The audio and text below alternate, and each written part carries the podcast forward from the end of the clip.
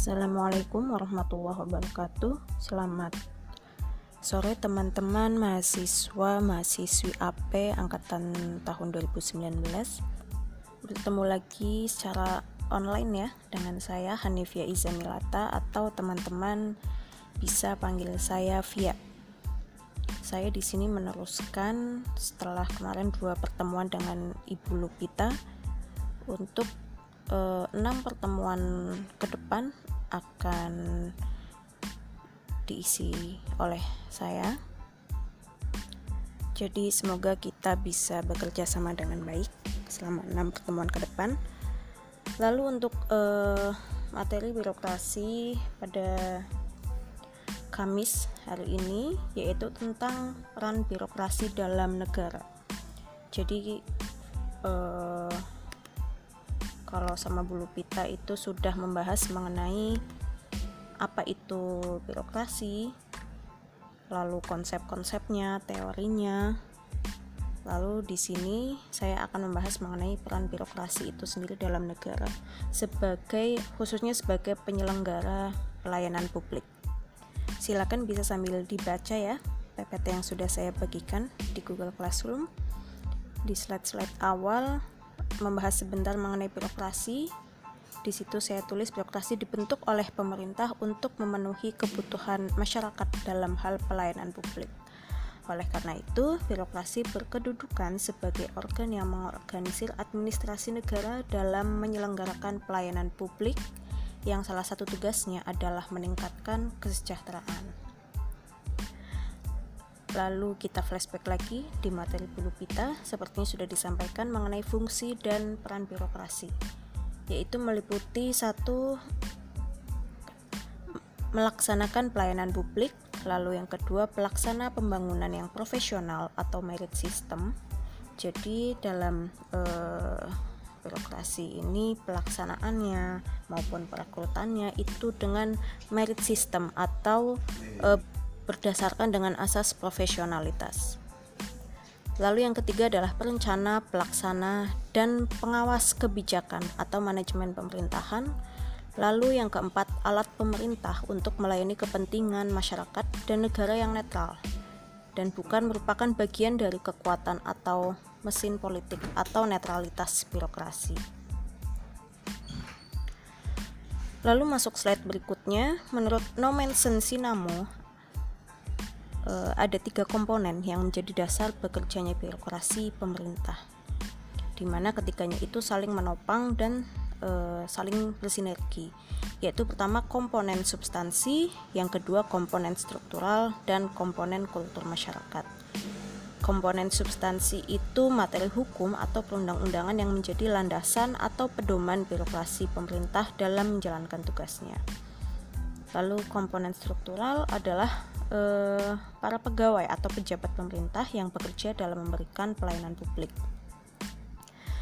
Jadi dalam konteks ini, birokrasi pemerintah dimaknai sebagai lembaga atau instansi pemerintah yang di dalamnya berisi pegawai negara atau aparatur aparatur sipil dengan tugas menyelenggarakan pelayanan publik.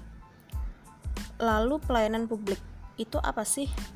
Pelayanan publik diartikan sebagai kegiatan atau rangkaian kegiatan dalam rangka pemenuhan kebutuhan pelayanan sesuai dengan peraturan perundang-undangan bagi setiap warga negara dan penduduk atas barang dan jasa atau pelayanan administratif yang disediakan oleh penyelenggara pelayan, pelayanan publik.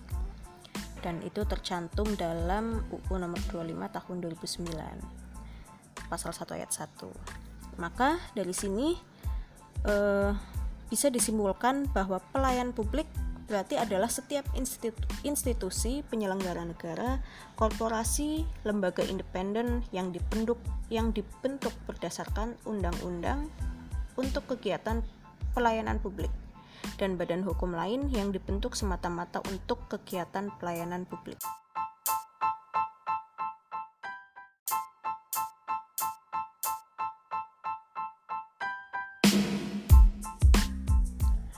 Nah, dalam melaksanakan pelayanan publik itu sendiri, ada standar-standar yang harus dipenuhi berdasarkan keputusan Menpan nomor 62 tahun 2004 yaitu bisa dibaca ya oleh teman-teman ada enam hal yaitu prosedur pelayanan, waktu penyelesaian pelayanan, biaya pelayanan, produk atau hasil pelayanan, sarana prasarana pelayanan, dan kompetensi petugas. Itu yang ahli dan terampil serta ramah. Dan pelayanan publik sendiri itu dikelompokkan ke dalam tiga kelompok yaitu yang pertama kelompok pelayanan administratif itu seperti yang ngurusin KTP, akta, BPKB, SIM dan sebagainya. Lalu yang kedua kelompok pelayanan barang yaitu pelayanan yang menghasilkan berbagai bentuk barang yang dibutuhkan oleh publik seperti listrik, air, bahan bakar dan sebagainya.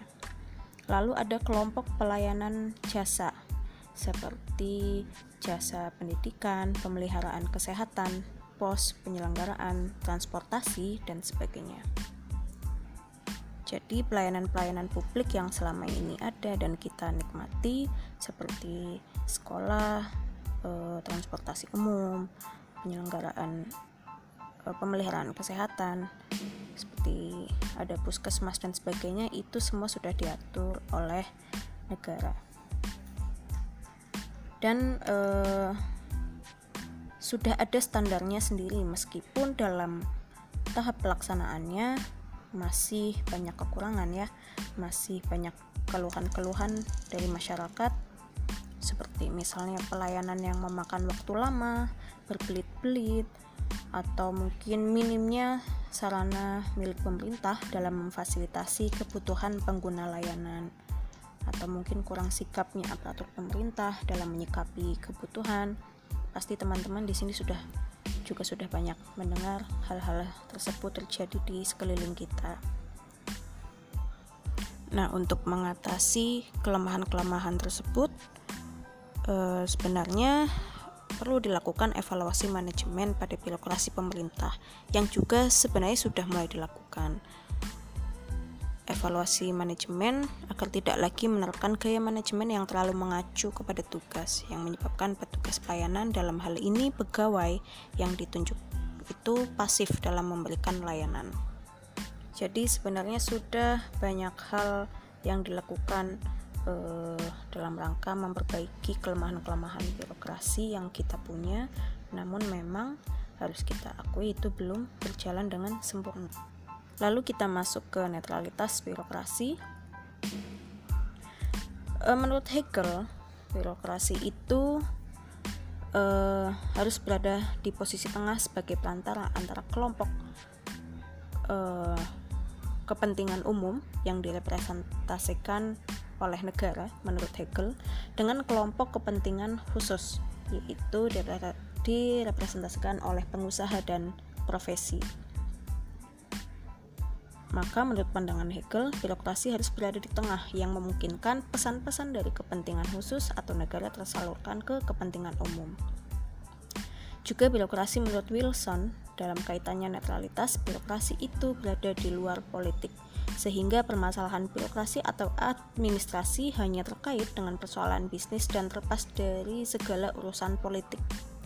Jadi netralitas birokrasi memang merupakan hal prinsipil yang harus diwujudkan dalam rangka mengembalikan peran birokrasi sebagai abdi negara dan e, sebagai public servant.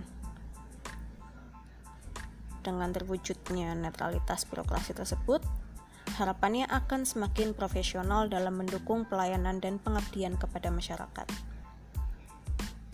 Jadi, pegawai negeri berkedudukan sebagai unsur aparatur negara yang bertugas untuk memberikan pelayanan kepada masyarakat secara profesional, jujur, adil, dan merata dalam penyelenggaraan tugas negara, pemerintahan, maupun pembangunan. Nah, bisa dibaca juga secara singkat ya, perjalanan netralitas birokrasi Indonesia sejak pemerintahan Orde Lama di mana semua posisi dan jabatan birokrasi terkooptasi dan memihak kepada pemerintah Soekarno yang memberikan akses kepada tiga partai, Nasakom untuk mengkapling birokrasi Departemen Pemerintah. Lalu di masa Orde Baru, berkembang pengangkatan seorang pada jabatan birokrasi dalam peraturannya menggunakan sistem karir. Sebenarnya itu sudah bagus akan tetapi hampir semua pejabat birokrasi pemerintah merupakan partisan dari kekuatan politik yang memerintah sebagai mayoritas tunggal. Lalu eh, di era reformasi sendiri sudah mulai ada keterbukaan dan terbukanya kebebasan ini akhirnya memunculkan euforia yang dialami oleh kekuatan politik. Akibatnya, kekuatan politik saling berlomba untuk mendapatkan pos-pos strategis di lingkungan birokrasi pemerintahan. Jadi, pada intinya adalah uh, kuatnya konflik kepentingan politik dalam sistem kerja birokrasi menjadi salah satu penyebab lemahnya kompetensi birokrasi di Indonesia. Lalu upaya apa saja sih yang bisa dilakukan? Yaitu yang pertama dengan pendalaman demokrasi. Tidak hanya untuk uh, pemerintahnya saja ya, petugas-petugas para pelayan publik itu, tapi juga untuk segala aspek, termasuk untuk masyarakatnya. Yaitu dilakukan dengan penguatan transparansi, akses informasi, dan akuntabilitas birokrasi, sehingga saat birokrasi melakukan praktik ke arah yang tidak netral, semua pihak dapat mengontrol dan mendesak agar pejabat yang berwenang menindak hal tersebut secara tepat.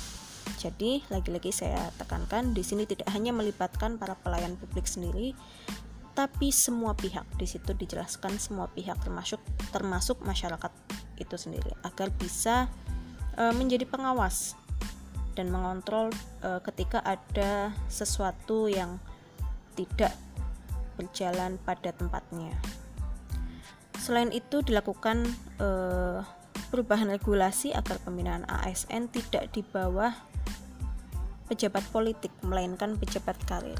Bahkan eh, saya tulis di situ di negara maju seperti Amerika Serikat terdapat lembaga khusus yang menangani birokrasi. Dan hal lain yang juga sangat penting tentunya adalah penguatan kapasitas kelembagaan dari aktor agar kompetensi merupakan pertimbangan utama dalam penentuan jenjang karir dalam uh, birokrasi. Juga ada reward atau penghargaan dan punishment atau hukuman yang terukur diimplementasikan sehingga ASN dapat secara profesional untuk berkaya, berkarya. Dan e, sebagai upaya juga upaya lain pemerintah untuk mencapai good governance atau pemerintah yang baik juga dilaksanakan reformasi birokrasi. Secara singkat dapat diartikan reformasi birokrasi adalah upaya untuk melakukan pembaharuan dan perubahan mendasar terhadap sistem penyelenggaraan pemerintahan dalam rangka mewujudkan tata kelola good governance. Jadi tujuannya ini ya untuk e, mewujudkan tata kelola pemerintahan yang baik dengan aparatur berintegritas tinggi produktif dan juga melayani secara prima dalam rangka meningkatkan kepercayaan publik. Ya, jadi uh, dalam reformasi birokrasi ini di dalamnya meliputi mengenai manajemen perubahan, juga ada penataan peraturan perundang-undangan, penguatan kelembagaan, penguatan tata laksana, di mana tujuannya adalah meningkatkan efisiensi dan efektivitas sistem, proses, prosedur kerja, lalu meliputi penguatan sistem manajemen SDM, penguatan sistem pengawasan, penguatan akuntabilitas kinerja, dan juga peningkatan kualitas pelayanan publik. Jadi pada intinya adalah segala upaya untuk e, menciptakan netralitas birokrasi, memperbaiki pelayanan publik yang ada sudah sebenarnya sudah diupayakan oleh pemerintah, namun memang pada uh, tahapan prakteknya masih sangat banyak kekurangan dan belum terlaksana secara maksimal. Tapi tentu uh, segala upaya ya yang baik tadi itu harus terus dilaksanakan dan ditingkatkan agar dapat mencapai hasil yang lebih maksimal. Ya, jadi mungkin itu uh, penjelasan sedikit dari saya tentang perkuliahan. Silakan kalau ada hal-hal yang mau ditanyakan, boleh ditanyakan melalui kolom komentar ya. Dan untuk pertanyaan diskusi juga silakan dijawab. Sertakan nama dan NIM untuk absen di kolom komentar postingan paling atas yang nanti uh, yang sudah saya sediakan. Oke, mungkin itu saja dari saya. Uh, tetap jaga kesehatan semuanya.